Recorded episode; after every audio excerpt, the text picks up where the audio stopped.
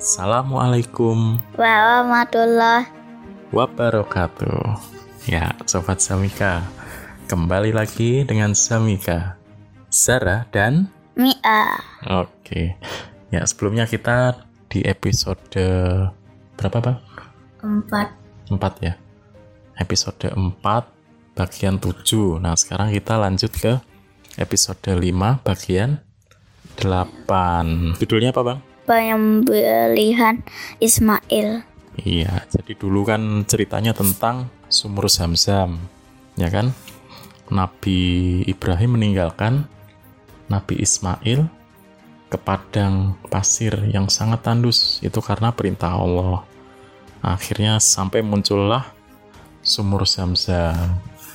Nah, itu lanjutannya. Dulu kan pemukimannya udah menjadi rame, Nah, sekarang ini kita lanjutin nih. Jadi di halaman 15 ini alangkah bahagianya Nabi Ibrahim alaihi salam melihat Ismail telah tumbuh menjadi anak yang soleh. Akan tetapi kemudian Allah subhanahu wa ta'ala memerintahkan Nabi Ibrahim melakukan hal yang amat berat. Hmm, anak-anakku, adik-adik tersayang, Tahu kalian apa perintah Allah yang sangat berat itu? Tahu nggak? Um. Belum. Nah, ini di episode yang sekarang ini, episode 5, bagian 8, ini tentang penyembelihan Ismail. Ya, Allah Subhanahu wa taala itu ingin menguji Nabi Ibrahim alaihi salam. Manakah yang lebih beliau cintai? Allah Subhanahu wa taala atau Ismail? Nah, melalui mimpi, Allah memerintahkan Nabi Ibrahim menyembelih putra kesayangannya itu. Saat pagi hari tiba, Nabi Ibrahim alaihissalam memanggil Ismail. Nah, ini ada di surat As-Sofat, surat ke-37 ayat 102. Bunyinya kayak gini nih.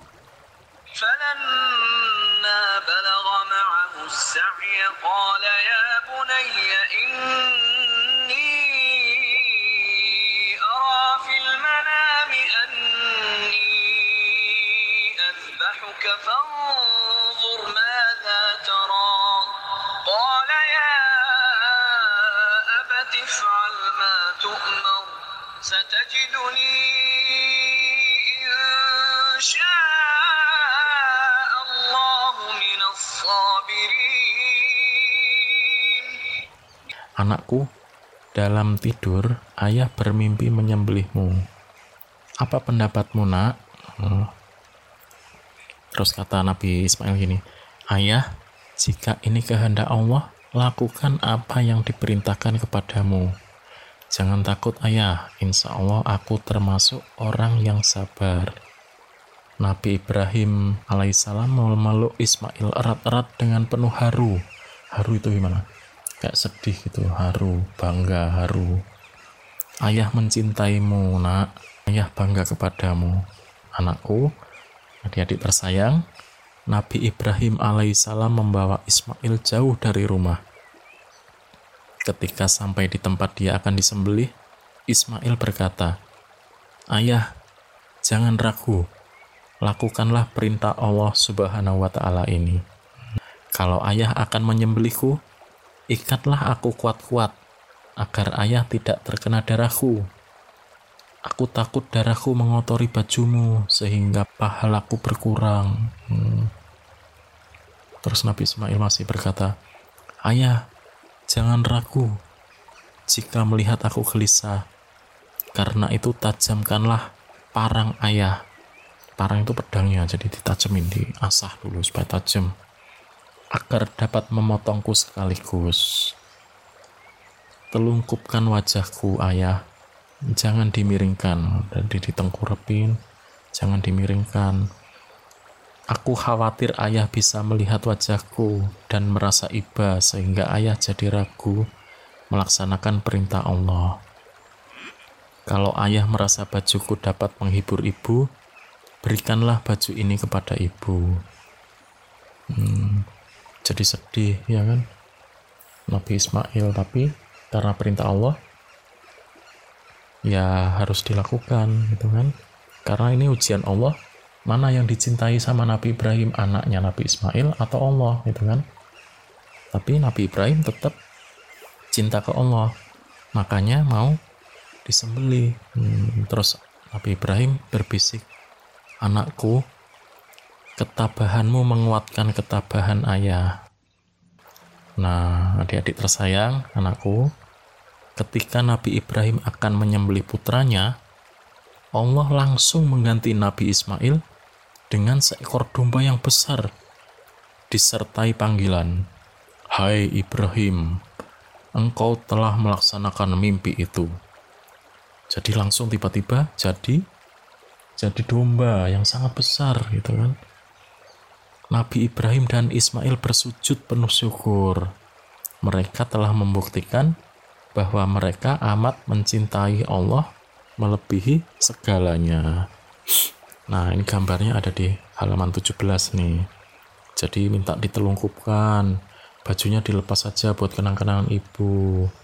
Badanku ditelungkupkan aja supaya nanti kalau ayah melihatku jadi sedih, nggak jadi motong gitu kan. Ini bajumu jangan sampai kena darahku, aku takut pahalanya berkurang kalau darahnya mengotori bajumu gitu. Jadi kesolehan Nabi Ismail. Jadi seperti itu penyembelihan Nabi Ismail. Nah, ini ada cerita juga di halaman 16 ini ada tentang melempar jumroh.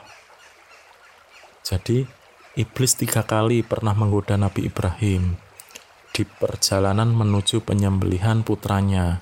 Jadi tadi kan Nabi Ibrahim membawa anaknya tuh, mau disembelih ke tempat yang jauh dari rumah. Nah itu iblis tiga kali menggodanya. Nah, Nabi Ibrahim marah dan melempar iblis tiga kali dengan kerikil. Jadi dilempar sampai tiga kali. Allah mengabadikan peristiwa itu dalam ibadah haji, yaitu ibadah namanya lempar jumroh. Nah, setiap jamaah haji wajib melontar kerikil di tiga tempat di mana iblis menggoda. Masing-masing disebut jumroh ula, jumroh wusta dan jumroh akoba. Gitu. Jadi selain kemarin sa'i yang lari-lari kecil antara bukit sofa dan morwah kan ini juga ada peristiwa lempar jumroh di rukun haji. Gitu. Oh ya di halaman 15 kemarin ada cerita juga air zam-zam yang kemarin sumurnya itu Zam-zam itu pernah tertimbun hmm, karena kelalaian manusia menyebabkan badai dan banjir. Sumur Zam-zam pernah tertimbun dan dilupakan orang. Seseorang bernama Mudas pernah mencoba menggalinya, walaupun telah mempersembahkan sesaji berupa pedang dan pelana emas. Air tidak juga muncul. Nah, sumur Zam-zam akhirnya berhasil digali oleh Abdul Muthalib. Abdul Muthalib itu kakeknya Nabi Muhammad Shallallahu Alaihi Wasallam. Nah, begitu ceritanya di bagian 8 ini. Selanjutnya nanti kita ke bagian 9. Apa judulnya, Bang? Membangun Ka'bah. Hmm, jadi membangun Ka'bah. Yang bangun itu Nabi Ismail dan Nabi Ibrahim. Ya udah. Itu aja untuk hari ini. Jadi kita lanjutkan besok. Terima kasih, selamat istirahat. Assalamualaikum Warahmatullah wabarakatuh. wabarakatuh. Ya. Assalamualaikum.